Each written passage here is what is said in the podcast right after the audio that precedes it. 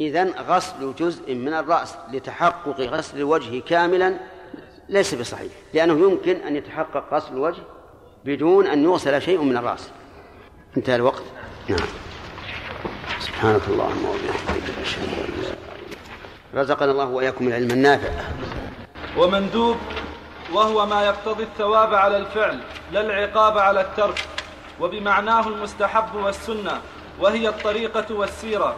لكن تختص بما فعل للمتابعة فقط. والنفل وهو الزيادة على الواجب. ها وإيش؟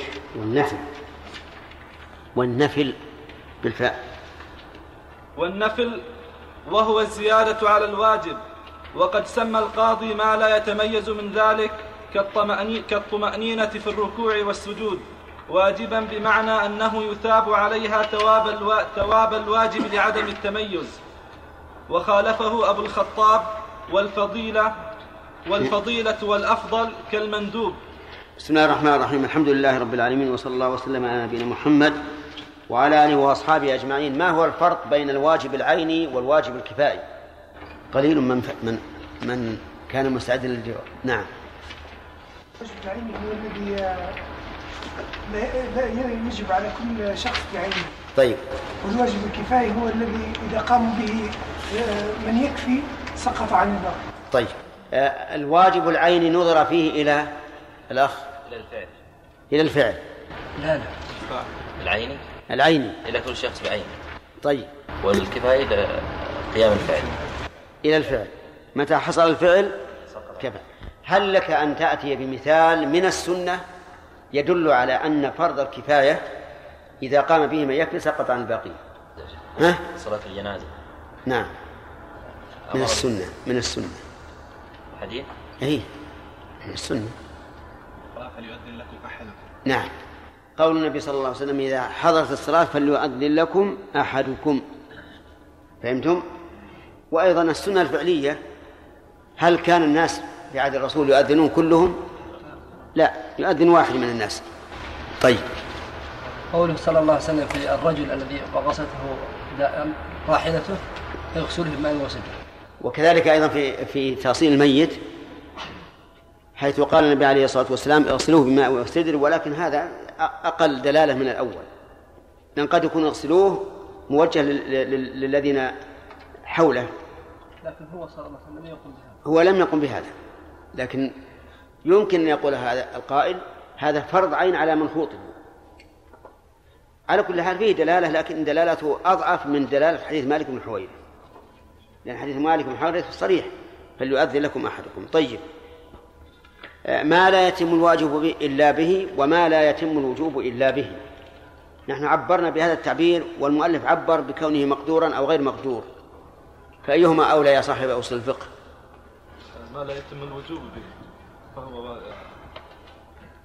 ما لا يتم الوجوب إلا به فهو فهو واجب وما لا يتم الواجب إلا به فليس بواجب. توافقون على هذا؟ إيه. طيب. ها. ما لا يتم الواجب إلا به فهو واجب وما لا يتم الوجوب إلا به فهو غير واجب. توافقون على هذا؟ صحيح. هل هذا التعبير أحسن أو تعبير المؤلف بقوله إما مقدور عليه وغير مقدور؟ هذا. الإشارة تقوم إلى تعود إلى أقرب مذكور. الأول. طيب. هل لك أن تأتي بمثال يفرق فيه بين ما لا يتم الواجب وما لا يتم الوجوب؟ مثال. الصلاة. وهذا هذا الواجب. والوجوب. مثال. عبيد الله. الإنسان لا, يجب عليه أن يبحث عن الناس حتى يجب عليه الوجوب. وما يتم الوجوب. قسم ما لا يتم الواجب. وغير. شراء الماء للوضوء إلى الصلاة. ماذا تقول؟ شراء المال والوضوء للصلاة من باب ما يتم الواجب إلا به أو الوجوب. الواجب إلا به فهو واجب. تمام. انتبهوا للفرق. هذا إنسان ليس عنده مال. فهل نقول يجب عليك أن تحصل المال لتجب الزكاة؟ لا. لأن هذا من باب ما لا يتم الوجوب إلا به. فالإنسان لا يجب عليه أن يسعى في أسباب الوجوب ليوجب على نفسه ما لم يكن واجبا.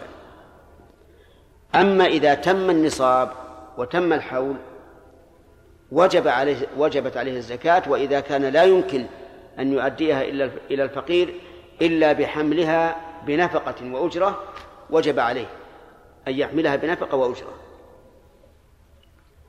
هم فاهمين المثال الأول فاهمينه؟ إنسان فقير ليس عنده مال. هل نقول يجب عليك أن تحصل المال لتجب الزكاة؟ لماذا؟ لأن لم يتم الوجوب الآن. حتى يملك النصاب. رجل آخر ملك نصابا وتم عليه الحول. لكن قال إن حمل الزكاة إلى الفقراء في جانب البلد يحتاج إلى نفقة. يحتاج إلى أناس نستأجرهم يحملونه إلى الفقراء. هل يجب عليه ذلك؟ أن يستأجر من يوصله إلى الفقراء؟ لماذا؟ ما لا يتم الوجوب الواجب إلا به فهو واجب. هذا هو الفرق. كذلك أيضا إنسان دخل وقت الصلاة وهو على غير وضوء ولم يجد ماء إلا بالشراء هل يجب عليه أن يشتري الماء؟ نعم يجب. لأنه لا يتم استعمال الواجب الذي هو الوضوء إلا بالشراء وما لا يتم الواجب إلا به فهو واجب. الآن نرجع إلى قوله رحمه الله فلو اشتبهت أخته بأجنبية أو ميتة بمذكاة وجب الكف تحرجا عن مواقعة الحرام. إذا اشتبهت أخته بأجنبية مو بأجنبيات بأجنبية. وهذا مسألة كما قلت لكم مسألة فرضية. ولا إنسان تشتبه عليه أخته بأجنبية؟ عنده امرأتان. قال والله ما هذه أيكم أختي. ها؟ ممكن هذا؟ هذا نادر نادر جدا. يمكن إذا كان قد غاب عن أخته قبل أن يعرفها ثم قدم البلد. وهو يعلم أنه ليس له إلا أخت واحدة فجاءه امرأتان. يقول ما أدري أيكم أختي. نقول الآن لا تزوج لا هذه ولا هذه. أما كونه لا يتزوج أخته فهو ظاهر. لكن كونه لا يتزوج المرأة الأخرى لأنه لا يتم اجتناب الحرام إلا باجتنابهما جميعا. صح ولا لا؟ لو تزوج واحدة من هاتين المرأتين المشتبهتين لكن في احتمال أنه تزوج أخته. احتمال قوي. فلذلك نمنعه من التزوج بهما. لأن ما لا يتم به اجتناب الحرام ما لا يتم اجتناب الحرام إلا به وجب اجتنابه. طيب ميت بمذكات. ميت بمذكات. وجد لحما واشتبه مع لحم آخر غير مذكى ولنقل وجد فخذ بعير فخذي بعير. إحداهما يعلم أنها مذكات والثاني يعلم أنها غير مذكات اشتبه. يأكل من أيهما؟ لا يأكل منهما شيئا. ليه؟ لأنه لا يتم اجتناب الحرام إلا باجتنابهما جميعا. وما لا يتم الواجب إلا به فهو واجب. فنقول لا تأكل لا من هذا ولا من هذا. لكن فيما لو كان مضطرا إلى الأكل. يقول أنا لا بد أن آكل. نقول تحرى أيتهما المذكات فكل منها. وهل يلزم التحري؟ نقول أما إذا كانت الضرورة إذا كانت الضرورة تبيح الميتة فالتحري ليس بواجب لأنه لو علم أنها ميتة جاز أن يأكلها. وأما إذا كانت الضرورة دون ذلك لكنها حاجة ملحة فلا بد أن أن يتحرى. طيب.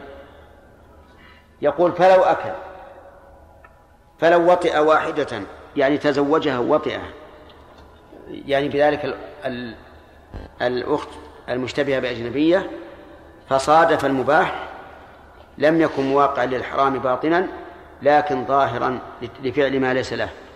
كذلك لو أكل فصادف المذكات. فإنه لم يكن لا يكون مواقعا للحرام باطنا ولكنه مخالف في الظاهر. فيكون الإقدام حراما والأكل حلال فيما بينه وبين الله. إذ أنه لم يصادف الحرام. وكذلك بالنسبة للمرأة التي اشتبهت بأخته نقول إذا صادف أنه عقد على المرأة الأجنبية وجامعها فهذا الجماع حلال باطنا أو ظاهرا؟ باطنا. أما ظاهرا فلا, فلا يجوز. لكن في المستقبل يعني ظاهرا قبل الإقدام معلوم أنه لا يجوز.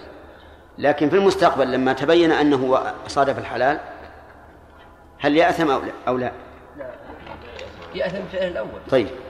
الآن قلنا اشتبه ميت بمذكات ما الواجب؟ الاجتناب. لكن الرجل أقدم بلا حاجة ولا ضرورة. أقدم وأكل. فصادف أن الذي أكل منه هو المذكات هل يأثم أو لا؟ نقول هو الآن يأثم ظاهرا لا باطلا. طيب إذا يأثم على المخالفة لا على الأكل. انتبهوا يأثم على المخالفة لا على الأكل. وإذا قلنا يأثم على المخالفة لا على الأكل وتبين أنه صادف المباح فهل يجوز أن يأكل في المستقبل؟ نعم. نعم. نعم يجوز. لأن تبين أن هذا هو الحلال. ونحن قلنا في الأول إنه لم يأثم بالأكل ولكن أثم بإيش؟ بالمخالفة. لأن الواجب أن ينحجز حتى يتبين لكن هذا تسرع وأكل. فنقول الإثم هنا على المخالفة. فلو قدر أنه أكل مئة قطعة من هذا من هذه التي تبين المباح فهل يأثم على كل قطعة قطعة؟ أو نقول يأثم إثما عاما بالإقدام على الأكل؟ الظاهر الثاني. الظاهر الثاني وإن كان ال- ال- الأول محتملا لكن الظاهر الثاني. فانتبهوا للفرق بين المخالفة في الإقدام وبين أكل الحرام. الآن تبين أن أن أن هذا الذي أكل منه هو الحلال. فنقول كل الآن كل في المستقبل ولا حرج عليك. لأنك إنما منعت خوفا من الوقوع في المحظور ولم يقع تقع الآن. ثم قال ومندوب مندوب معطوف على إيش؟ على الأحكام الخمسة. شوف الأحكام الخمسة. بالأول قال كيف؟ أي نعم تكليفية وهي خمسة واجب. وهذا مندوب. مندوب المندوب في في اللغة المدعو لم- لأمر مهم. ندبه أي دعاه. لأمر مهم. في الاصطلاح يقول ما يقتضي الثواب على الفعل العقاب على الترك. وه- وهذا تعريف بماذا؟ بالحكم. وإذا أردنا أن نعرفه بالحقيقة قلنا المندوب ما أمر به لا على وجه الإلزام بالفعل. هذا المندوب. يعني أنه مأمور به حقيقة. لكن لا على وجه الإلزام وإنما تؤمر وإن شئت تترك. هذا حده من حيث الحد الحقيقي. أما حكمه فقال. ما يقتضي الثواب على الفعل لا العقاب على الترك. فقول ما يقتضي الثواب على الفعل دخل فيه الواجب. وقوله لا العقاب على الترك خرج الواجب لأن الواجب يستحق العقاب تاركه. طيب وما الذي خرج بالقيد الأول؟ ما يقتضي الثواب على الفعل؟ المباح حرام. والمكروه؟ والمباح. مثاله رفع اليدين عند التكبير في الصلاة. عند تكبيرة الإحرام عند الركوع عند الرفع منه عند قيامة التشهد الأول. هذا مندوب. إذا فعله الإنسان كان إيش؟ مأجورا. واستحق الثواب. وإذا تركه إيش؟ لم يستحق العقاب. الوتر على القول الراجح. هي مندوب. إن فعله الإنسان أثيب وإن تركه لم يعاقب. لأننا لو قلنا بعقوبته إذا تركه ألحقناه بالواجب. قال وبمعناه المستحب. يعني أن المستحب والمندوب واحد. طيب والمسنون؟ نعم. والمسنون بمعنى المندوب وعلى هذا فيكون لدينا ثلاثة أسماء. الأول المندوب الثاني المستحب والثالث المسنون. وقال بعض العلماء المستحب ما ثبت طلبه بدون دليل وإنما هو استحسان من العلماء. وأما المسنون فهو ما ثبت بالسنة. يعني بالدليل لكن أكثر الأصوليين ولا سيما من من أصحاب الإمام أحمد لا يرون الفرق. يقول إنك إذا قلت يستحب أن يرفع يديه عند تكبيرة الإحرام فهو كقولك يسن ولا فرق. والله أعلم. نعم. شيخ قلنا في رجل إذا اشتبه بين بين الأجنبية وبين أخته إن إن عرف بعد أن أن جامعها أنها أخته. طيب إن ولد له ولد بما يلحق الولد هذا؟ نعم. يلحق, يلحق, يلحق. به. وإن كان يعني عمها وإن كان وطأها بالأول محرم وهذا هو الفائدة من قولنا أنه في الباطن لا يو... لم يكن مواقع للمحظور. أي هذا إن شاء الله في الدرس القادم. حفظك الله في قوله تعالى إنها لإحدى الكبر نذيرا للبشر. نعم. هذا نذيرا على أي شيء منصوب حال. همزة وصل طيب. طيب شيخ في بنات الابن نعم. هل يشترط الاشتراك في الاشتراك في الأب؟ في الأب؟ لا ما هو بشرط. يعني بنت ابن مع بنت عمها سوا تعرف من صاحب أصول الفقه؟ الحمد لله رب العالمين والصلاة والسلام على سيد المرسلين وبعد. قال المؤلف رحمه الله تعالى ومحظور وهو لغة لا السنة ما كملناها. ومندوب وهو ما يقتضي الثواب على الفعل لا العقاب على الترك. وبمعناه المستحب وهو والسنة وهي الطريقة والسيرة. لكن تختص بما فعل للمتابعة فقط. والنفل هو وهو الزيادة على الواجب. وقد سمى القاضي ما لا يتميز من ذلك كالطمأنينة في الركوع والسجود. واجبا بمعنى أنه يثاب عليها ثواب الواجب لعدم التميز. وخالفه أبو الخطاب والفضيلة والأفضل كالمندوب. بسم الله الرحمن الرحيم. سبق لنا أن الأحكام التكليفية كم؟ خمسة. واجب ومندوب ومباح ومكروه ومحرم.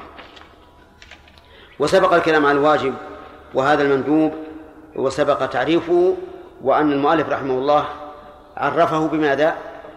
بالحكم. والصواب أن يعرف الشيء بالحقيقة أولا. ثم يتبع بالحكم. لأن الحقيقة تعطي التصور والحكم على الشيء فرع عن تصوره. قال وبمعناه المستحب فب... فب... يعني بدل أن تقول يسن كذا قل يستحب كذا. وذكرنا أن بعض العلماء يقول إن المستحب يختص بما ثبت بدون نص والسنة بما ثبت بالنص. يعني ما استحبه العلماء قياسا أو لمصالح مرسلة أو ما أشبه ذلك يقال مستحب. ولا يقال سنة لعدم وجود النص. والصحيح عند الفقهاء فقهاء الحنابلة خاصة أنه لا فرق بين بين المندوب والسنة والمستحب. قال والسنة وهي الطريقة والسيرة يعني بمعنى المندوب السنة. وهي أي السنة في اللغة الطريقة والسيرة. الطريقة والسيرة. ومر علينا في التفسير اليوم إيش؟ سنة الله, سنة الله. يعني طريقته في في المكذبين للرسل.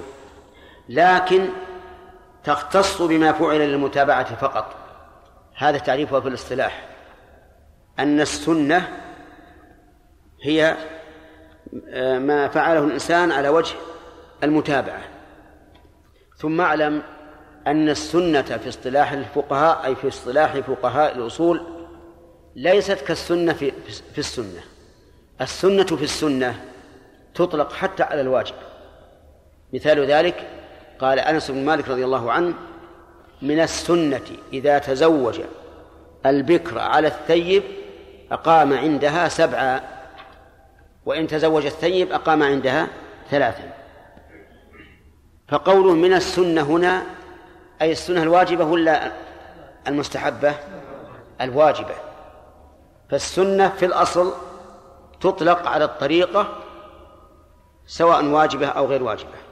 لكن عند الفقهاء الأصوليين يقولون السنة تختلف عن الواجب بأن السنة يثاب الإنسان على فعله ولا يعاقب على تركه والواجب يثاب على فعله ويعاقب على تركه. هكذا حسب تعبير المؤلف. يقول رحمه الله والنفل وهو زيادة على الواجب يعني وبمعناه النفل بمعنى المندوب النفل وهو في اللغة الزيادة وفي الاصطلاح الزيادة على الواجب من العبادات تسمى نفلا. فراتبة الظهر مثلا نسميها وسنة.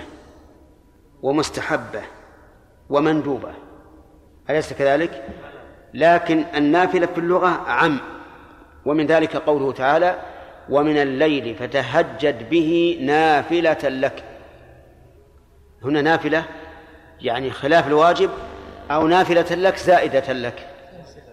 هذا هو المعنى زائدة لك. ولهذا قال بعض العلماء إن قيام الليل واجب على الرسول عليه الصلاة والسلام. لأن الله تعالى قال ونافلة لك وليس مستحبا له لأنه مستحب لغيره أيضا. فالنافلة هنا ليس بمعنى المستحب بل معناه إيش؟ الزائد يعني أنك اختصصت به.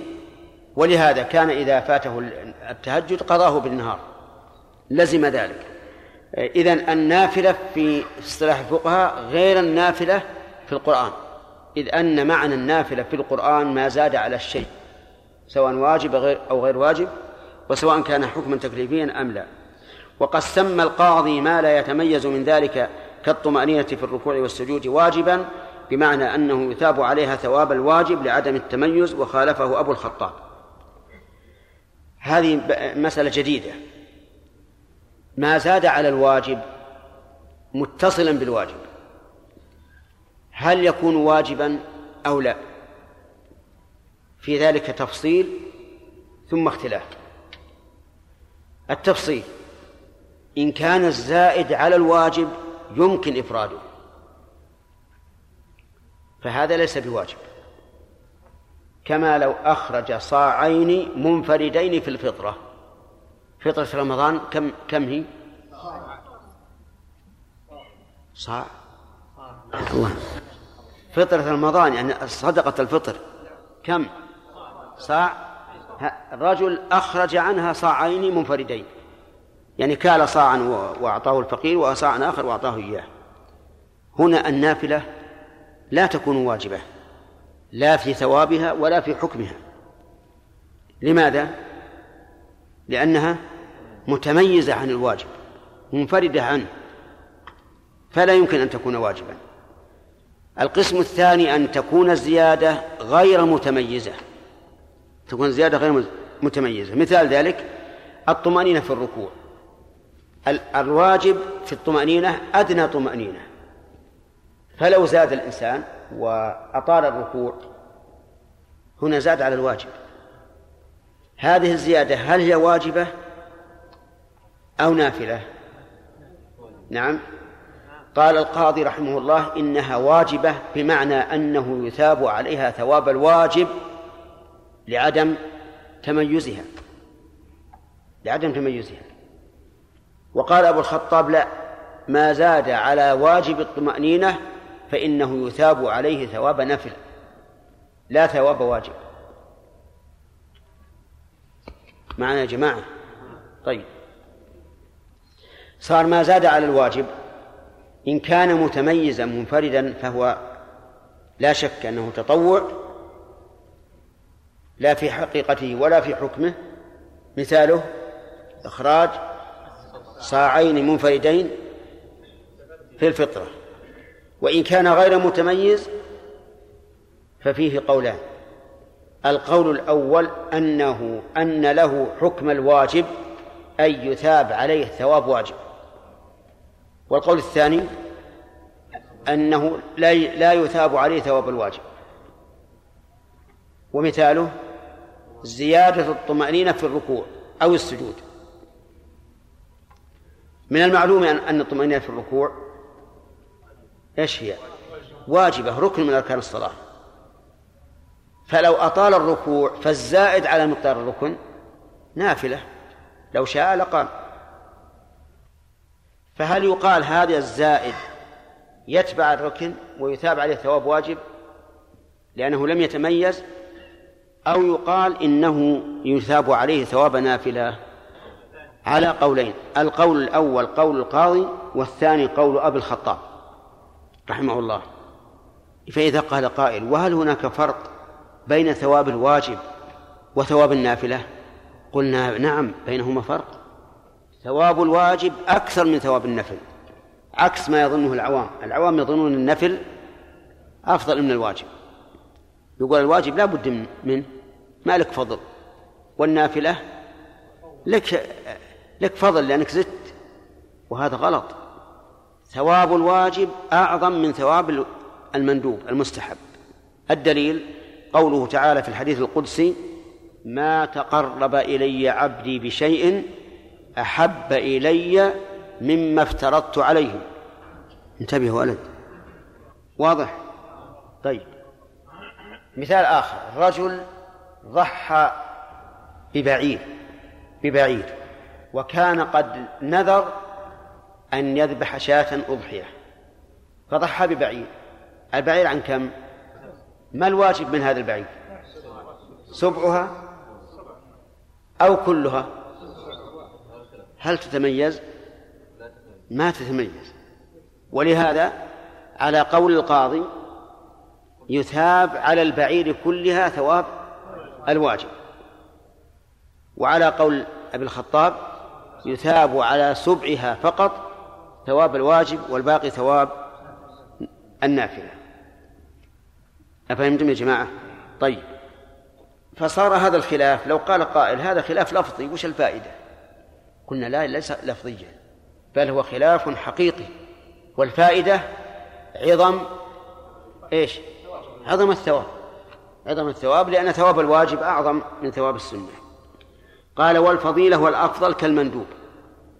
يقال هذه فضيلة. يقول هذا أفضل. هذا يقول كالمندوب. نعم. قال ومحظور وهو لغة الممنوع والحرام بمعناه. وهو ضد الواجب ما يعاقب على فعله ويثاب على تركه. طيب. آه المحظور لغة الممنوع. وبالصاد؟ المحظور بالضاد. هنا. من الحضور. لا من الحظر. الحضور المشاهدة. حضر فلان يعني حضر وشاهدناه لكن المحظور بالضاء المشالة يعني الممنوع.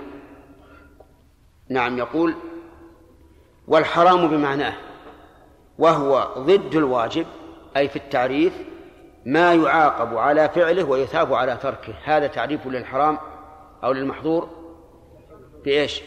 بالحكم.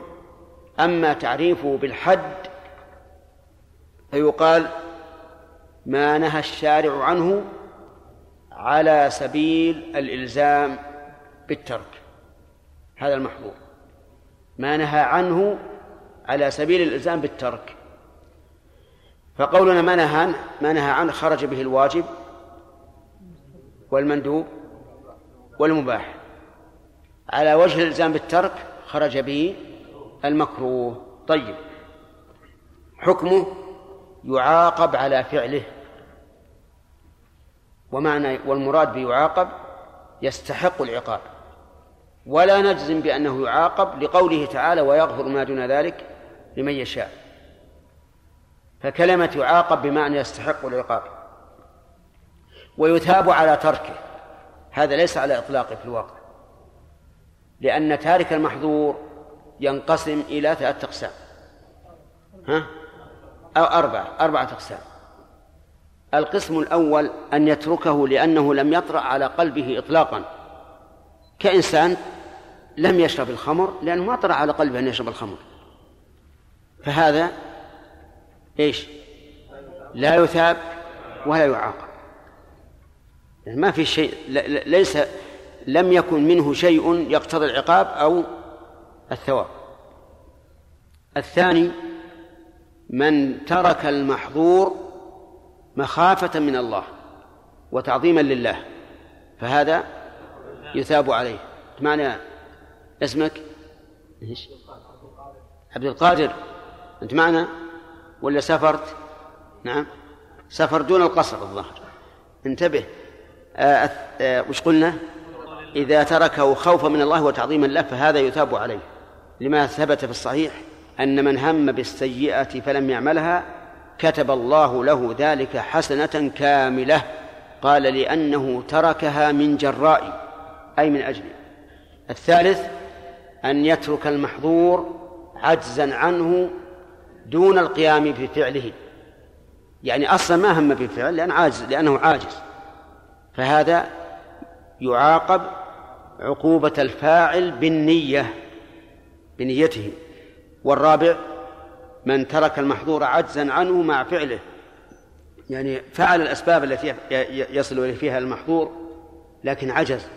كمن وضع سلما على جدار شخص ليسبق بيته. وحين وحين كان في أثناء السلم سقط السلم. فهذا يعاقب عقوبة الفاعل. دليله قول النبي صلى الله عليه وعلى آله وسلم إذا التقى المسلمان بسيفيهما إيش؟ فالقاتل والمقتول في النار. قالوا ما بال المقتول؟ قال لأنه كان حريصا على قتل صاحبه. أفهمتم؟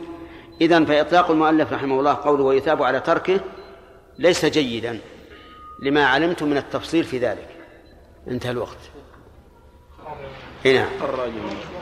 والله أنا إن شاء الله تعالى أرجح أن أنه يثاب ثواب الواجب. لأن فضل الله واسع. نعم. الفرق بين الثالث والرابع. أيه أقسم أي. الفرق بينهما. رجل فقير يشاهد رجلا غنيا يشتري بماله الخمور ويشربها ويبذل ماله في القمار ويتعامل بالربا. فيقول هذا الفقير لو أن لي مال فلان لعملت مثل عمل فلان. فهنا تمنى ولم يفعل. قال النبي صلى الله عليه وسلم فهو بنيته فهما في الوزر سواء. بالنية. فهمت الفرق؟ أما ذاك الرابع فقد فعل الأسباب. حاول أن يشرب الخمر. ذهب للخمار طلب منه أن يبيع عليه خمرا ولو بالدين. نعم لكن عجز. في العقوبة سواء. كما كما دل عليه حديث القتل. طيب. وما وما أمر به؟ لا على وجه الإلزام. بعض العلماء أن المندوب غير مأمور به قوله تعالى الذين يخالفون عن أمره فتصيبهم فتنة أو يصيبهم عذاب كيف؟ وش وش؟ إذا كان المندوب مأمور مأمور به نعم فتاركه لا يعاقب لا أو يعاقب لأنه قال فليحذر الذين يخالفون عن أمره لا المندوب إنه المندوب ها؟ التعريف أي المندوب لا يعاقب على تركه أي والآية تدل على أن المأمور به مطلقا؟ أي هذا المأمور الذي الذي لم يدل دليل على أنه نفذ هذا استدل به من قال إن الأصل في الأمر الوجوب. شو لا؟ بالنسبة لي. نعم. أبو رجل هم بعد. ها؟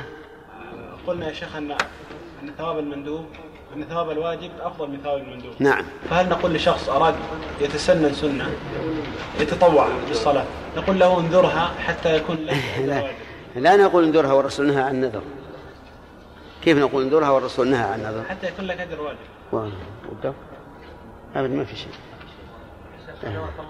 نعم. أقول كيف نقول انذرها والرسول نهى عن النذر ما يمكن. حتى يكون له أجر والمراد بالواجب الواجب شرعا. ولهذا قال أفضل مما افترضت عليه. والنذر فرضه الإنسان عن نفسه. رجل يعني هم بالمعصية. أي نعم. إيش؟ رجل هم بالمعصية. أي نعم. حدث نفسه يصلي ما تكلم؟ لكن هل أراد؟ أو بس يفكر. فكر وقال يحصلها من تعزيم وأهمها المهم إذا أراد فهذا ينظر. إذا تركها لله يثيب. أما إذا كان يحدث نفسه يقول والله هل أروح؟ هل أفعل؟ ولكن ما جزم على شيء فلا شيء عليه. ولا شيء له لكن الإعراض عن هذا أحسن. الرسول عليه الصلاة والسلام قال فقد باء بها أحدهما من عنده أصول الفقه؟ الحمد لله رب العالمين والصلاة والسلام على سيد المر... على سيد المرسلين وبعد. قال المؤلف رحمه الله تعالى ومحظ وهو لغة الممنوع والحرام معناه وهو ضد الواجب ما يعاقب على فعله ويثاب على تركه. فلذلك تحيل كون الشيء الواحد بالعين واجبا حراما كالصلاة في الدار المغصوبة في أصح الروايتين. وعند من صح النهي إما أن يرجع إلى ذات المنهي عنه فيضاد وجوبه أو إلى صفته كالصلاة في كالصلاة في السكر والحيض والأماكن السبعة الأوقات الخمسة. فسماه أبو حنيفة الله فاسدا. وعندنا وعند الشافعي رحمه الله أنه من القسم الأول لأن المنهي عنه نفس هذه نفس هذه الصلاة ولذلك بطلت. أولا أو لا إلى واحد منهما كلب حرير فإن المصلي أو لا إلى واحد. أو لا إلى واحد أو إلى واحد. يعني أو لا تعود إلى واحد. أو لا إلى واحد منهما كلبس الحرير فإن المصلي جامع بين القربة جامع. فإن المصلي فيه جامع بين القربة والمكر الجهتين فتصح. بسم الله الرحمن الرحيم. الحمد لله رب العالمين وصلى الله وسلم على نبينا محمد وعلى آله وأصحابه أجمعين. لما قال المؤلف الله في المحظور يعاقب على فعله وعلى تركه. الواجب يثاب على فعله ويعاقب على تركه. إذا يمكن أن يكون الشيء واجبا حراما في أن واحد من جهة واحدة. لماذا؟ للتضاد للتضاد إن قلنا الواجب يثاب على فعله وعلى تركه. والحرام؟ إيش؟ يعاقب على فعله ويثاب. على تركه. ضد تماما. هل يمكن يكون الشيء الواحد بالعين واجبا حراما؟ قول الناس. لا لا لا. ما ليش؟ لأن الواجب ضد الحرام. والضدان لا يجتمعان. فلا يمكن أن يكون الشيء الواحد منه بعينه. لا لا يمكن أن يكون واجبا حراما في آن واحد ذلك لأنه لا يمكن يجمع بين الضدين. استمع قال فلذلك يستحيل الشيء الواحد بالعين واجبا حراما. يستحيل. يعني كذا قلت واجب يعني ليس حراما وإن قال؟ يعني ليس واجبا أما أن يق- يقال هذا واجب حرام. واجب ما يثاب على فعله ويعاقب على تركه والحرام ما يثاب تركه ويعاقب على فعله فهذا مستحيل. مثاله الصلاة في الدار المغصوبة في أصح الروايتين أفاد المؤلف رحمه الله أن الصلاة المغصوبة في الأرض المغصوبة لا تصح وأن في المسألة خلافا. لكن هذا الذي يرى أنه أصح الروايتين يعني عن أحمد رحمه الله. فالصلاة لا تصح على على أصح الروايتين عن أحمد. إذا صلى في أرض مغصوبة. مثال ذلك رجل احتل بيت إنسان. هذا البيت مغلق ما فيه ساكن. فجاء إنسان آخر واحتل البيت فقال صاحب البيت اخرج. قال لا ما أخرج. البيت ما فيه أحد. ما أخرج. فصلى ها؟ صلاته على المذهب غير صحيحة لأن بقاءه في البيت حرام سواء بقي للصلاة أو لغير الصلاة. فإذا بقي للصلاة صارت هذه الصلاة حراما من وجه إيه؟ واجبا من وجه آخر. وهذا مستحيل فنغلب جانب الحظر ونقول الصلاة غير صحيحة. هذا تقرير المسألة. والصحيح أن الصلاة صحيحة. والصحيح أن الصلاة صحيحة. وذلك لانفكاك الجهة لأن الإنسان مأمور بأن يصلي في أي مكان ومأمور بأن يتخلص من المغصوب عن أي عمل صلاة أو صلاة فاختلفت الجهة. والنهي لم يرد عن الصلاة في المغصوب بل ورد عن الغصب. انتبهوا. وفرق بين أن يرد النهي عن الصلاة عن الصلاة في المغصوب وعن الغصب. لو قال لو كان النص لا تصلوا في أرض حرام أو في أرض مغصوبة قلنا لو صلى فيها أي إيش؟ فالصلاة حرام وباطلة لأنها هنا اجتمع الحلال والحرام في في آن واحد. صارت هذه الصلاة الآن منهيا عنها وإيش؟ ومأمورا بها. وهذا مستحيل. هذا مستحيل. فالقول الراجح أن الصلاة في الأرض المغصوبة صحيحة لكن مكثه في الأرض المغصوبة بغير رضا صاحبها حرام. قال وعند من صححها وهو الصحيح النهي إما أن يرجع إلى ذات المنهي عنه فيضاد وجوبه. معلوم إذا إذا كان النهي راجعا إلى ذات المنهي عنه فهذا ضد الوجوب. إذ كيف يكون الشيء واجبا حراما في آن واحد؟ أو إلى صفته كالصلاة في الأرض المغصوبة كيف؟ آه كالصلاة. المهم عندكم السكور اللي أول 11 طيب. كالصلاة في السكر والحيض والأماكن السبعة والأوقات الخمسة فإلى آخره. وإما أن يعود إلى طيب إما أن يعود إلى المنهي عنه أو إلى صفته واحد منهما. حطكم على بالكم. فإن أتى المنهي عنه فإنه إذ يستحيل أن يكون الشيء الواحد مأمورا به مثل لو قال لك لو جاء في النص أتصوم يوم الجمعة؟ فصمت فالصيام باطل. أنا قصدي يوم العيد لا تصوم يوم فالصلاة فالصيام باطل. لأنه عاد إلى ذات أو إلى صفته كالصلاة والحيض والأماكن السبع والأوقات الخمسة فسماه أبو حنيفة. وعند الشافعي الشافعي أنه من القسم الأول. ظاهر كلام المؤلف أن أبا حنيفة يسميه لكنه مجزي وصحيح. وعند إياه لا يجزي لكن نحن نناقش كلام المؤلف في كلامه. الصلاة في السكر. المؤلف إنه عائد إلى صفته. يقول لا تقربوا الصلاة وأنتم سكارى. فهو عائد إلى إلى ذات العبادة. فإذا صلى وهو سكر وهو سكران فلا شك أن صلى لعدم القصد. النهي وارد على ذات العبادة. الصلاة في الحيض. الصلاة في القاعة وهي حائض فصلاتها صحيحة لا شك باطلة لأن النهي وارد ذات العبادة. الصلاة في الأماكن السبعة أيضا باطلة لأن النهي عائد إلى ذات خصوص هذه الأماكن. الصلاة في الأوقات الخمسة لا من طلوع الفجر إلى طلوع الشمس ومن طلوعها حتى ترتفع قيد الرمح حتى تزول وبعد صلاة العصر حتى تغرب. وبعد ذلك إلى أن تغرب. فالصلاة في الأمكان في أماكن في الأوقات الخمسة نقول باطلة النهي عاد إلى ذات العبادة. صلاة بعد الفجر حتى ويأتي إن شاء الله بقية الكلام على هذا لأن ها؟ لا إلا ما له سبب. إلا ما له سبب.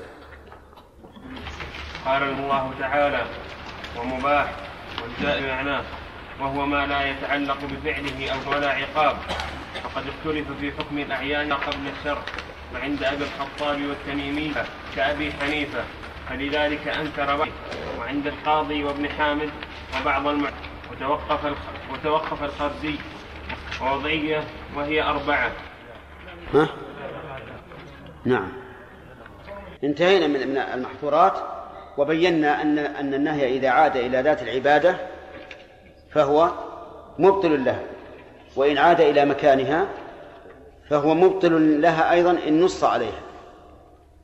وإلا فلا, فلا تبطل. فالصلاة في الأرض المغصوبة على القول الراجح صحيحة والصلاة في المقبرة غير صحيحة. والفرق أن الصلاة في المقبرة منهي عنها. والصلاة في الأرض المغصوب ما ورد النهي عنها لكن ورد النهي عن عن الاستيلاء على مال الغير فالجهة منفكة. هذا هو الضابط. أما المكروه فيقول ضد المندوب. فلنعرفه لغة أولا. فنقول المكروه هو المبغض. تقول كرهت وأبغضت معناهما واحد في الشرع ضد المندوب. إذن نرجع للمندوب. فنقول ما يقتضي الثواب على الفعل لا العقاب على الترك. فيكون المكروه ما يقتضي الثواب على الترك لا العقاب على الفعل. وهذا تعريف له بالحكم. وقد ذكرنا أن الفقهاء يستعملونه وأن أهل الكلام ينتقدونه. ويقول أهل الكلام حد عرف بالحد أولا ثم احكم. وأن ترتيب أهل الكلام أحسن من ترتيب الفقهاء بمعنى أن نتصور الشيء أولا ثم نحكم عليه فنتصور أول ما هو المكروه وما ثم نحكم عليه. فالمكروه على تعريف المناطقة وأهل الكلام هو ما نهي عنه لا على سبيل الإلزام بالترك. ما نهي عنه إيش؟ لا على سبيل الإلزام بالترك. فخرج بقولنا ما نهي عنه ثلاثة أشياء. الواجب والمندوب والمباح. وخرج بقولنا لا على وجه الزام الترك المحرم. وخرج بقولنا ما نهي عنه مسألة مهمة وهي هل تارك المستحب واقع في مكروه؟ هل تارك المستحب واقع في مكروه؟ أجيبوا يا جماعة. لا لأنه لم يرتكب ما نهي عنه. فترك المستحب لا يعني الوقوع في المكروه. وهذه مسألة قد تخفى على بعض الناس. يقول أنتم تقولون في المكروه ما أثيب تاركه ولم يعاقب فاعل. المستحب ما أثيب فاعله ولم يعاقب تاركه. فإذا تركه فإننا لا نقول أصلا لا لم يقع فيما نهي عنه. وعليه فلو أن الإنسان قال في الركوع سبحان رب العظيم ثم رفع هل فعل مكروها؟ ترك مستحبا. نعم نقول ترك مستحبا لكن لا يلزم من ترك المستحب الوقوع في المكروه لأن المكروه منهي عنه منهي عنه لكن لا على وجه الإلزام بالترك. وعلى هذا فنقول ليس كل من ترك مستحبا واقعا في مكروه. وهذه فائدة مهمة لطالب العلم لأن بعض الناس يظنون أنك إذا تركت المستحب فقد وقعت في مكروه وليس كذلك. إذا ما ما ما نهي عنه ما حده ما نهي عنه لا على سبيل الإلزام بالترك. طيب حكمه ما ما يقتضي تركه الثواب ولا عقاب على فعله. عكس المندوب. ولكننا قلنا ما يقتضي تركه الثواب في في في باب المحرم قلنا في هذا إيش؟ تفصيل. التفصيل هناك يأتي على التفصيل هنا. فتارك المكروه إذا تركه وهو لم يطرأ على على باله إطلاقا. هل له ثواب؟ تارك المكروه لله؟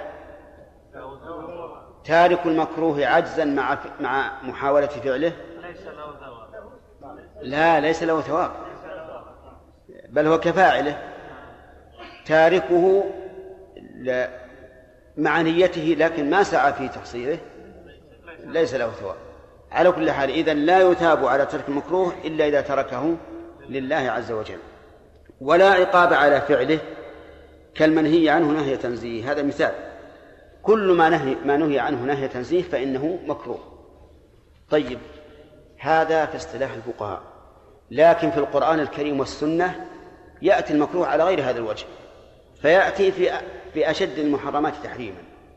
المكروه في الشرع في لغة القرآن والحديث قد يراد به أك أكثر أو أكبر الأشياء تحريما. الشرك مكروه عند الله ولا لا؟ مكروه. قال الله تعالى وقضى ربك ألا تعبدوا إلا إياه وذكر ما ذكر سبحانه وتعالى إلى أن قال كل ذلك كان سيئه وفي قراءة سيئة عند ربك مكروها. مكروها. كراهة إيش؟ تحريم ولا شك. وتأتي الكراهة لترك المستحب. مثل قول النبي صلى الله عليه وسلم لمن سلم عليه ولم يرد عليه السلام حتى تيمم إني كرهت أن أذكر الله إلا على طهر. معنى كرهت هنا أحببت أن لا أذكر الله. وليس المعنى أن من ليس طاهرا فإنه يكره أن يذكر الله. لا. انتبه يا ولد. فالكراهة هنا ليست كراهة تحريم ولا كراهة تنزيل. بل المعنى أحببت أن لا أذكر الله إلا على طهر وفرق بين أن أقول كرهت أو أحببت أن لا أذكر. والدليل على أن هذا هو المراد حديث عائشة كان النبي صلى الله عليه وعلى آله وسلم يذكر الله على كل أحيانه. لا يمنعه شيء. وكان يقرأ القرآن لا يمنعه عن القرآن إلا الجنابة.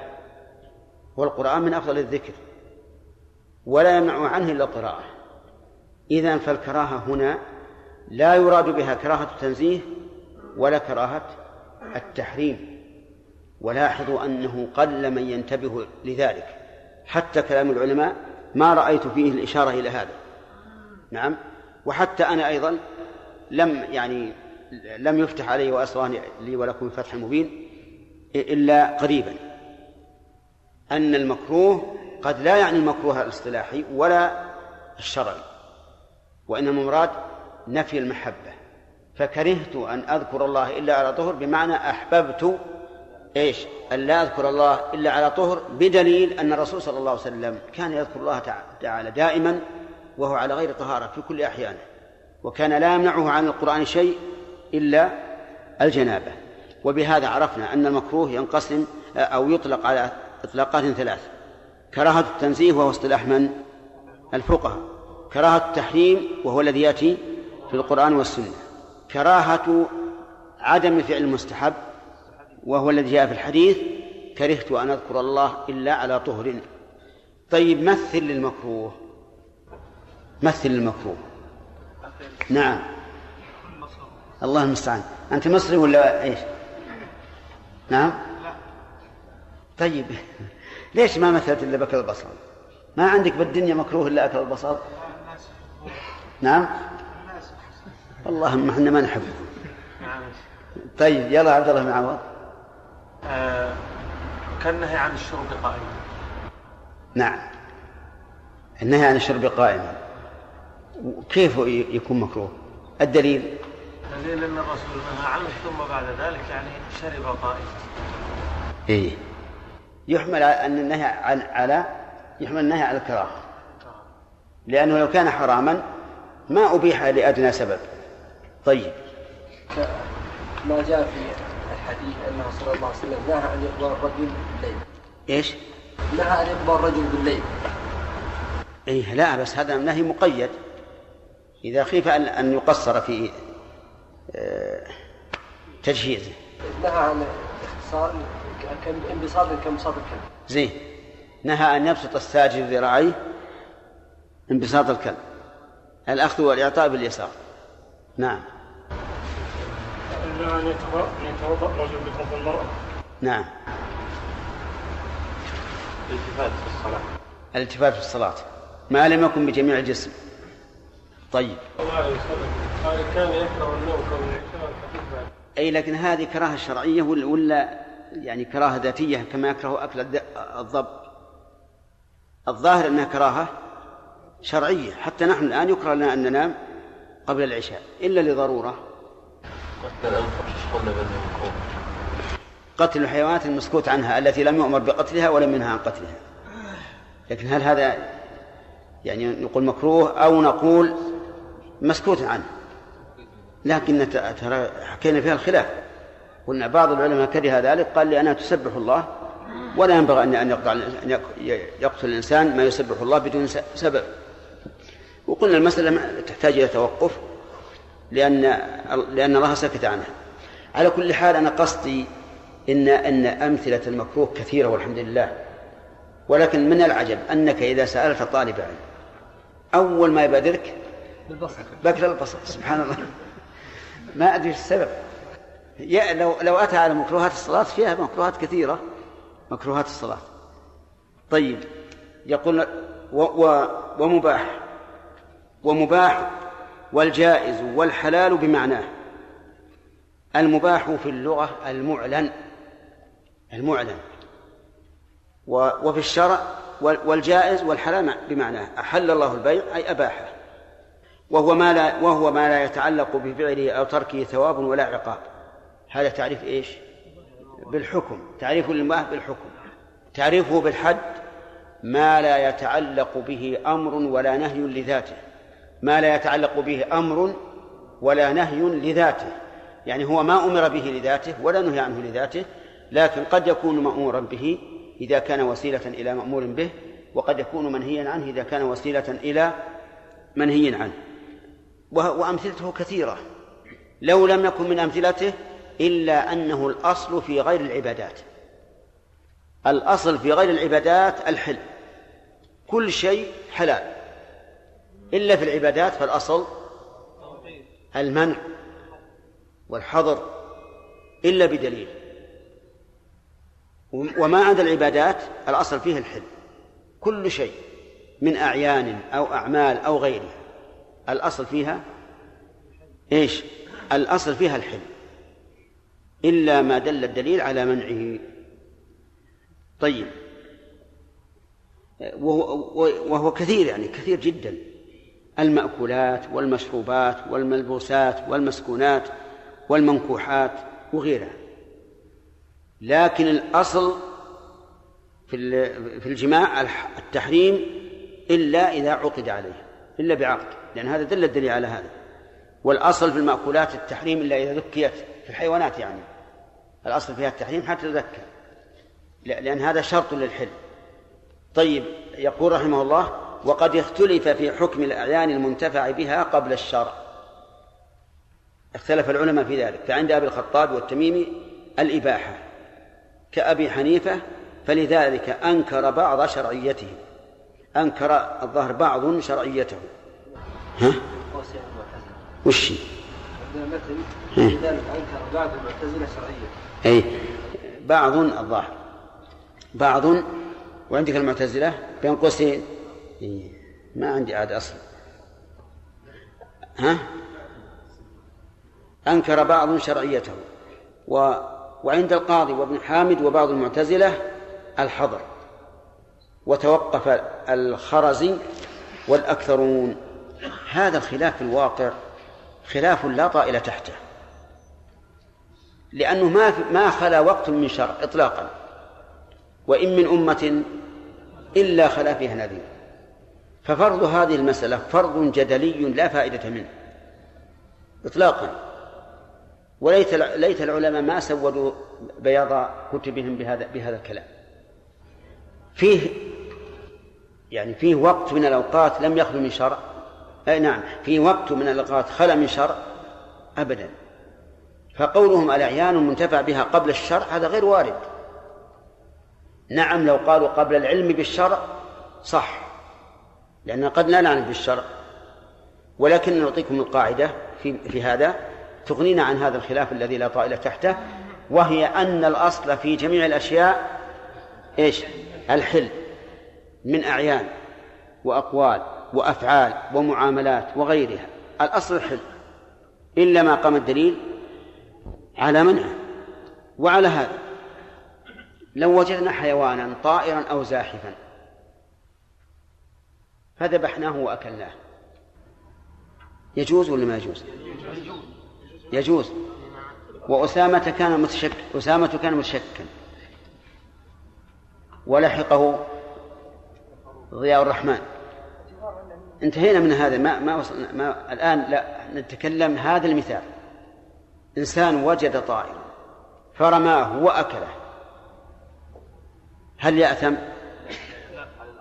هل يأثم؟ لا يأثم. بناء على إيش؟ على الأصل. لأن الله قال هو الذي خلق لكم ما في الأرض جميعا وهذا مما في الأرض. فنقول هذا حلال.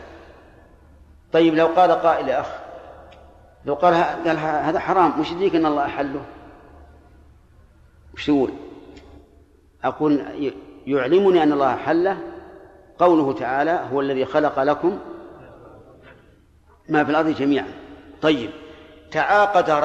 تعاقد رجلان عقد شركة عقد شركة فما هو الأصل؟ الحل نقول هذا العقد صحيح. إلا إذا دل الدليل على أنه حرام مثل أن يشتمل على غرر أو جهالة أو ما أشبه ذلك. وإلا فالأصل حل. واضح؟ بدأ أراد الإنسان أن يعمل عملا رياضيا. عملا رياضي رياضيا. نعم. فأتى بسيكل قوي شديد لا يتحرك إلا بصعوبة لكن ما هو يمشي. له وطاءات نعم يدور هكذا. وقال أنا أبى أعمل رياضة. كل صباح أبى أجلس على هذا السيكل. تعرفون السيكل الظاهر؟ نعم. بايسكل ها؟ اسمه بايسكل إي. دراجة غير نارية. دراجة هوائية. طيب على كل حال فيه الآن أنا رأيته عند واحد. سيكل ما يتحرك لكنه قوي يحتاج إلى قوة. يركب عليه ويقول هكذا برجليه. نعم. ها؟ كيف؟ ما يمشي لا لا. مثبت بالأرض. ساعة.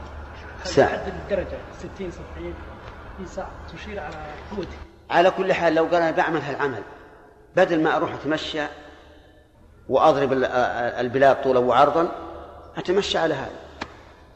قلنا لا الله يقول هو الذي جعل لكم الأرض ذلولا فامشوا في مناكبها. وش يقول لنا؟ الأصل إيش؟ الإباحة. وامشوا في مناكبها لطلب الرزق. ولهذا قال كلوا من رزقه. فالحاصل جميع الأعمال وجميع الأقوال وجميع العقود وجميع الأعيان الأصل فيها الحل. إلا شيئا واحدا وهو الطريق إلى الله عز وجل الذي هو العبادات. فهذا ليس لنا أن نضع طريقا على أهوائنا الطريق الذي وضعه الله للوصول إليه وهو الشرع هذا الأصل فيه إيش؟ التحريم والمنع. لقول النبي صلى الله عليه وسلم من عمل عملا ليس عليه أمرنا فهو رد ولأن الله أنكر على الذين أخذوا بتشريعات غيره. أم لهم شركاء شرعوا لهم من الدين ما لم يأذن به الله. فافهموا هذه القاعدة. تنفعكم في أكثر الأشياء. والوقت باقي؟ انتهى الوقت. ما خمس دقائق من أجل الإخوان. نعم. على على على على الطريق إن شاء الله. شيخ الصواب هنا في هذه الجزر وليس الفرض. شيخ. نعم. الصواب في هذه التوقف الجزري لا مو بالجزم الصواب ان الجزم بانها حلال. الصواب اولا فرض المسألة هذه غير وارد. لا هذه يا شيخ اسمها الشيخ ها؟ ها. بإيش؟ إيه. والله عندنا بالخاء. مصحف مصحف عندها وضعية ها؟ ووضعية. الصفحة 11 صفحة 11 بنصف الصفحة تقريبا. علة. هذا النوع الأول يعني. بسم الله الرحمن الرحيم. الحمد لله رب العالمين. ووضعية يعني أن الأحكام الشرعية إما تكليفية وقد مرت علينا وهي خمسة وإما وضعية والوضعية هي التي وضعها الشرع علامات على صحة أو فساد وليس للمكلف فيها أثر ليس للمكلف فيها أثر. الشرع وضع شروطا وأركانا وأسبابا وواجبات وممنوعات وما أشبه ذلك هذه ما هي إلي. هذه إلى الشرع. والتكليفات الأحكام التكليفية تتعلق بأفعال العبد التي يفعلها هو. واجب محرم مكروه مندوب مباح. طيب الوضعية نقول هي ما وضعها الشرع علامة على صحة أو فساد. هذه الوضعية ما وضعها الشرع علامة على صحة أو فساد. وهي إما عقلية نعم وهي أربعة. الوضعية أربعة. أحدها ما يظهر به الحكم. أحد هذه الوضعية ما يظهر به الحكم أي ما يظهر بسببه الحكم. ويتبين. وهو نوعان علة والنوع الثاني سيأتي إن شاء الله تعالى. وهي إما عقلية كالكسر للانكسار. الكسر للانكسار. الانكسار لا شك أنه يترتب عليه إيش؟ الكسر. عقلا. لا يمكن انكسار إلا بكسر. وهذا أمر عقلي لكن المؤلف لا يريد أن يقول هذا من, من الأمور الشرعية بل يريد أن يبين العلة بقطع النظر عن كونها علة شرعية أو علة حسية أو علة عقلية. فالكسر للانكسار هو علة عقلية أو علة حسية أو علة شرعية. الجواب علة عقلية إذ لا يوجد انكسار إلا بكسر. طيب و... وأما في الشرع يقول أو شرعية هذه مقابل قوله عقلية. أو شرعية وهذا هو الذي نبحث فيه. قيل إنها المعنى الذي علق الشرع الحكم عليه. مثل إذا زالت الشمس فصل الظهر. إذا زالت الشمس فصل الظهر. إذا ملكت نصابا وجبت الزكاة. هذا علق الشرع الحكم عليه. انتبه. إذا كل ما كان سببا للوجوب فهو علة شرعية. طيب مثاله مثلا بمثالين. الأول إذا زالت الشمس فصل الظهر إذا ملكت نصابا فزكه. وقيل إنها الباعث له على إنها الباعث له أي للشرع على إثباته أي إثبات الحكم وهذا أولى. فكيف نقول؟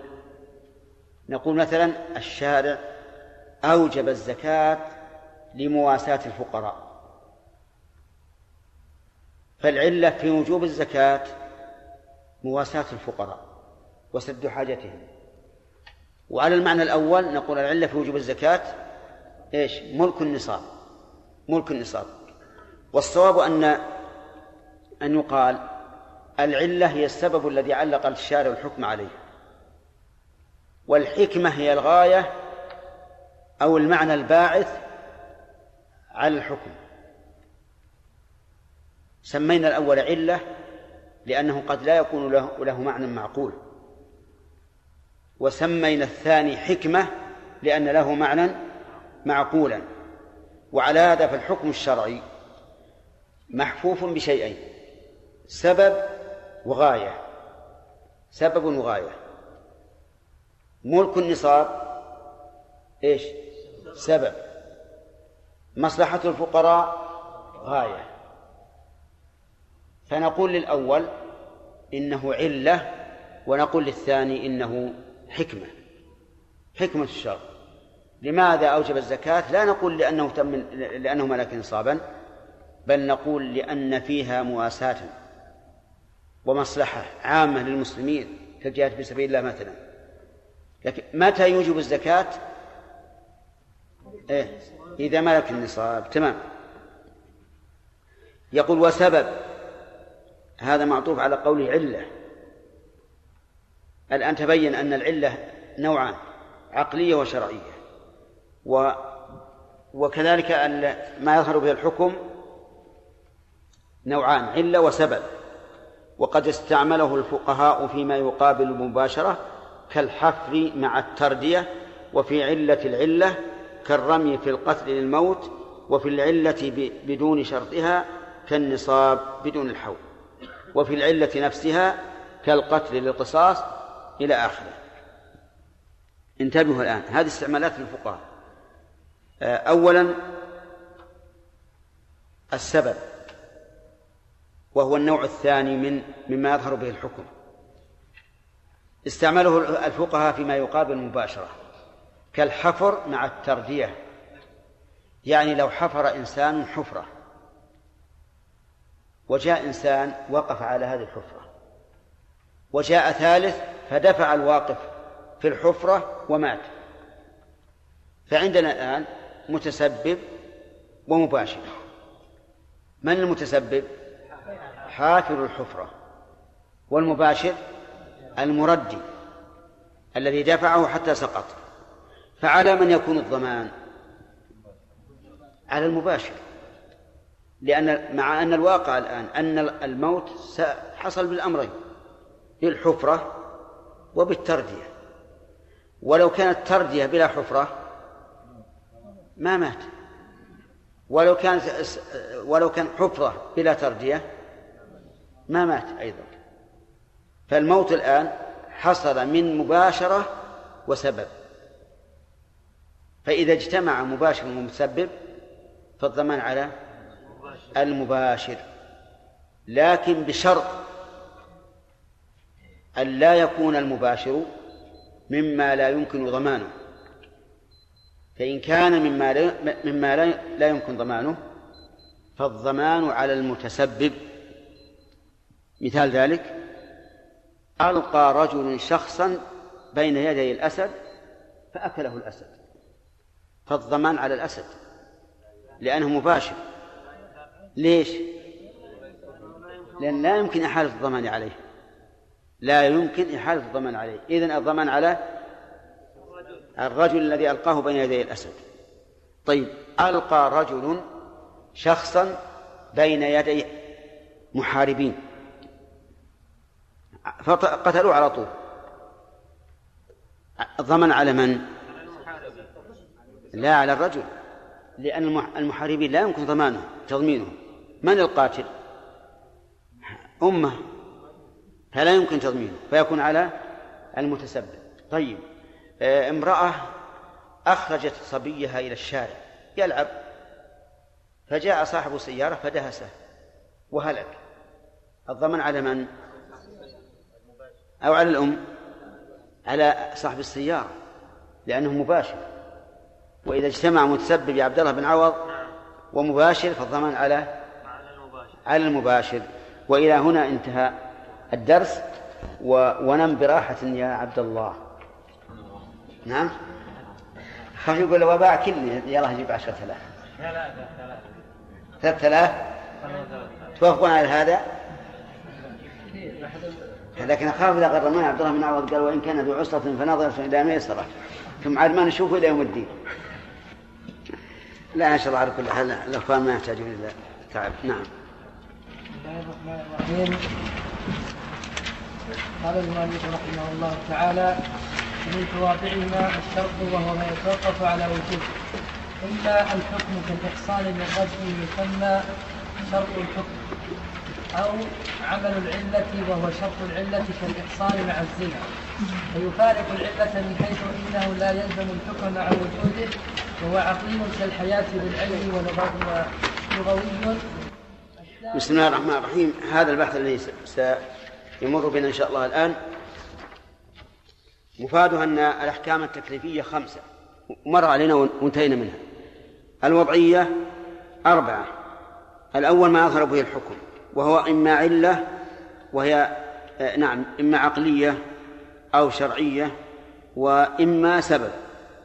وأظن وقفنا على السبب.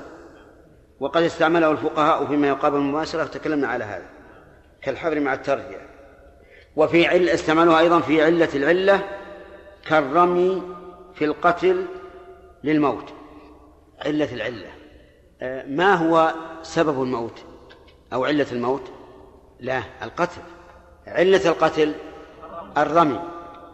فالآن علة العلة هي الرمي وعلة الموت هو القتل.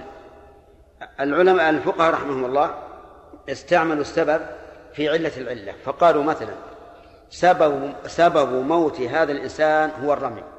والحقيقة أن السبب المباشر هو القتل. لأن الإنسان قد يرمي قد يرمي ولا يصيب. فالرمي في الواقع علة العلة ومع ذلك قال الفقهاء إنه سبب. وفي العلة بدون شرطها كالنصاب بدون الحول. يعني واستعمله العلماء أي السبب في العلة دون وجود الشرط شرطها. كالنصاب بدون الحول. يعني يعني مثلا إذا ملك الإنسان نصاب زكاة والنصاب مئة درهم إسلامي. ملك النصاب ولكن لم يتم الحول هل تلزمه الزكاة؟ لا. ليش؟ لفقد الشرط وهو تمام الحول. فأطلق السبب عند الفقهاء على وجوده بدون على وجود العلة بدون شرطها. طيب. وفي العلة نفسها كالقتل للقصاص. في العلة نفسها. يعني واستعمل السبب في العلة نفسها كالقتل للقصاص. وعلة القتل ما هي؟ الرمي. وعلة القصاص القتل. كما قال تعالى يا أيها الذين آمنوا كتب عليكم القصاص في القتلى قال وفي وفي وفي العلة نفسها كالقتل القصاص ولذلك سموا الوصف الواحد من أوصاف العلة جزء السبب. يعني إذا كانت العلة مركبة من شيئين فأكثر يسمى أحد هذا الشيئين جزء جزء العلة أو جزء السبب. هذه مباحث في الحقيقة مباحث منطق. ويغني عنها أن نقول السبب كل ما يلزم من وجوده الوجود ومن عدمه العدم. هذا التعريف أوضح وأبين ولا حاجة إلى التفصيل في أن نقول علة العلة وجزء العلة وتمام العلة والعلة بدون شرط ما له داعي. كل هذا تطويل بلا فائدة. الفائدة أن نقول السبب هو الذي يلزم من وجوده الوجود ومن عدمه العدم. وبهذا يفارق الشرط. لأن الشرط لا يلزم من وجوده الوجود. فمثلا الوضوء شرط لصحة الصلاة. لكن هل يلزم كل من توضأ أن يصلي؟ لا. دخول الوقت شرط لصحة الصلاة لكنه سبب. إذ متى دخل الوقت لزمت لزمت الصلاة. طيب. قال ومن توابعهما الشرط. توابع إيش؟ العلة والسبب الشرط وهو ما يتوقف على وجوده إما الحكم أو عمل العلة. أي نعم. وهو ثم قال وهو عقلي. الشرط سيقسمه المؤلف كما قسم السبب وسنبين ما هو الراجح. يقول وهو ما يتوقف على وجوده إما الحكم كالإحصان للرجل. إذا زنى الإنسان وجب عليه إما أن يجلد مئة جلدة وينفى سنة وإما أن يرجم. فما شرط الإحصان؟ فما شرط الرجم؟ شرطه الإحصان. هذا شرط للحكم يعني لا يثبت حكم الرجم إلا بشرط الإحصان ولهذا يسمى شرط الحكم. أو عمل العلة وهو شرط العلة كالإحصان مع الزنا. الآن الرجم إنما يجب بالإحصان مع الزنا. لأنه لو جامع إنسان زوجته وهو محصن لم يكن عليه شيء. لكن لا بد من زنا ولا بد من إحصان. فصار عندنا شرط. شرط الحكم وهو إذا ثبتت العلة وتوقف الشرط على على شيء سمي هذا شرط الحكم. إذا لم تثبت العلة فهذا يسمى كما قال المؤلف رحمه الله عمل العلة وهو الإحصان مع الزنا. وخلاصة الكلام كلام المؤلف الآن الرجم لا يثبت إلا بأمرين هما الزنا والإحصان فالإحصان شرط للحكم. يعني إذا وجد زنا بدون إحصان فلا فلا رجم لأنه لا بد أن يكون محصنا. وأصل وأصل ثبوت الحد هو الزنا لأنه علة العلة. قال فيفارق العلة يعني يفارق الشرط العلة من حيث إنه لا يلزم الحكم من وجوده. وأما العلة والسبب فيلزم الحكم بوجوده. التعريف الهين اللين الواضح البين نعم هو أن نقول الشرط ما يلزم من عدمه العدم ولا يلزم من وجوده الوجود بس. هذا هو التعريف المنضبط الذي لا يحصل به إشكال. فالفرق بينه وبين السبب الآن أن السبب يلزم من وجوده الوجود والشرط لا يلزم من وجوده الوجود. والفرق كما مثلنا أولا. زوال الشمس سبب لوجوب صلاة الظهر. الطهارة شرط لصحتها. فلو أن الإنسان صلى قبل الزوال لم تصح صلاته. ولو صلى محدثا لم تصح صلاته. لأن كل لأن السبب يلزم من عدم العدم والشرط يلزم من عدمه العدم. لكن لو تطهر قبل أن تزول الشمس هل تلزمه صلاة الظهر؟ لا. لأن الطهارة الشرط وليست بسبب. ثم قال في الشرط وهو عقلي كالحياة للعلم ولغوي كالمقترن بحروفه وشرعي كالطهارة للصلاة. هذه أنواع الشرط. عقلي كالحياة للعلم. يعني من شرط العلم أن يكون الإنسان حيا فلا علم بدون حياة لأن الميت ميت جماد. لغوي كالمقترن بحروفه. إن اجتهد التلميذ نجح. ما هو الشرط؟ الاجتهاد. لغوي هذا أو شرعي؟ لغوي لأنه مقترن بحرف من حروف الشرط متى تزورني متى تزرني أكرمك؟ هذا شرط لغوي ولا شرعي؟ نعم هذا لغوي. وشرعي كالطهارة للصلاة. من شروط الصلاة الطهارة فلو صلى بغير طهارة فلا صلاة له. لقول النبي صلى الله عليه وسلم لا يقول الله صلاة بغير طهور بغير طهور. وهذا التقسيم لا لا, لا دخل له في في أصول الفقه. لأن كونه لغوي أو عقلي ليس له دخل في أصول الفقه. أما شرع شرعي فنعم. والمانع عكسه. عكس إيش؟ عكس الشرط وهو ما يتوقف السبب أو الحكم على عدمه. فصار المانع هو الذي يلزم من وجوده العدم ولا يلزم من عدمه الوجود. لكن لا يمكن أن ينفذ السبب مع وجود المانع ولا يمكن نفوذ الحكم مع وجود المانع. مثال ذلك زوال الشمس سبب لوجوب إيش؟ صلاة إيش صلاة؟ صلاة الظهر لكن أتى هذا الزمن على امرأة حائض هل تلزم صلاة الظهر؟ ليش؟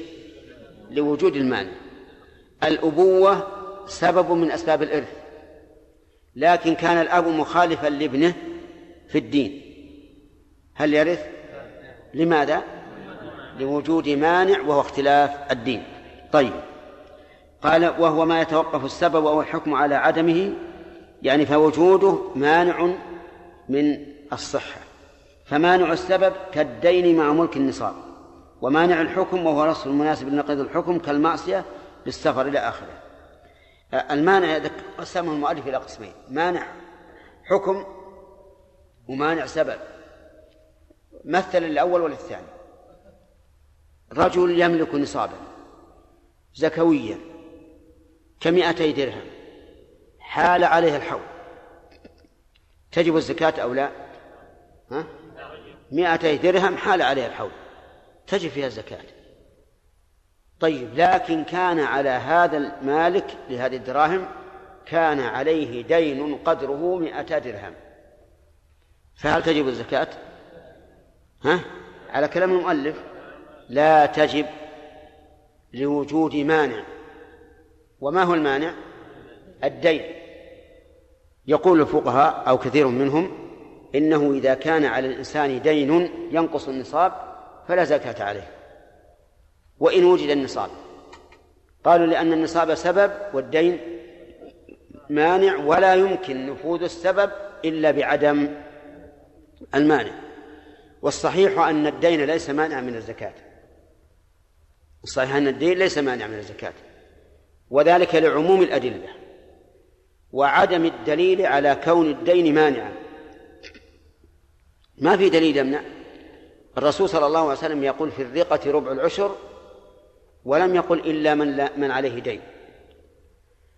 وأما التعليل بأن من عليه دين هو نفسه يحتاج إلى مواساة والزكاة إنما وجبت مواساة وصاحب والمدين ليس أهلا لذلك. فنقول هذا قياس مع وجود النص. فإن قال لا نص إن قال لا نص لأن الرسول عليه الصلاة والسلام لم يقل في مائتي درهم ربع ربع العشر ولو كان مدينا. قلنا لكن لكن الإطلاق كالنص لأن المطلق أو العام تتناول يتناول جميع الأفراد. نعم لو فرض أن الدين حال وأن الرجل قد عزم على أن يوفيه قبل حلول الزكاة لكن لعذر من الأعذار تأخر الوفاء حتى تم الحول فحينئذ نقول لا زكاة لأن الدين سابق والرجل أخر إيفاءه لعذر فلا زكاة عليه لأنه وإن كان في يده كأنه ليس في يده حيث إنه قد تخلى عنه في الحقيقة ويريد أن أن يوفي به. طيب إذا قيل مثل بمثال آخر نقول كاختلاف الدين مع وجود القرابة في الإرث. فإن هذا يمنع من الحكم بالإرث وإن كان السبب موجودا وهي القرابة. وإما مانع نعم أو مانع حكم. وهو أي مانع الحكم هو الوصف المناسب لنقيض الحكم كالمعصية بالسفر المنافي للترخص هذا أيضا مثال. يقول هذا المانع للحكم. ما هو المانع؟ هو الوصف المناسب لنقيض الحكم. أولا نمثل المسافر يترخص برخص السفر. مثل قصد الصلاة المسعى على الخفين ثلاثة أيام الفطر في رمضان أكل الميتة وما أشبه ذلك. هذه الرخص إذا سافر الإنسان وجد السبب. إذا سافر وجد السبب. لكن إذا كان سفره سفر معصية. يعني سافر إلى بلاد الكفر ليشرب الخمر وليزني مثلا وما أشبه ذلك. فهل يناسب أن يرخص لهذا الرجل. نعم على كلام المؤلف. يقول غير مناسب. لأن الرخصة سوء تسهيل وصاحب المعصية لا يتناسب أن نسهل عليه بل ينبغي أن نضيق عليه ونقول تب وترخص. تب وترخص. وهذا هو رأي أكثر أهل العلم على أن السفر إذا كان سفر معصية فهو سبب نعم على أن السفر سبب للترخص لكن إذا كان سفر معصية فإن العاصي لا يناسب أن نرخص له بل المناسب أن نشدد عليه. فماذا نقول لهذا المسافر سفر معصية إذا قال أنا أريد أن أترخص برخص الله أن أفطر في رمضان مثلا. يقول أنا بفطر. نقول تب نحن الآن ما ما ما ضيقنا عليك.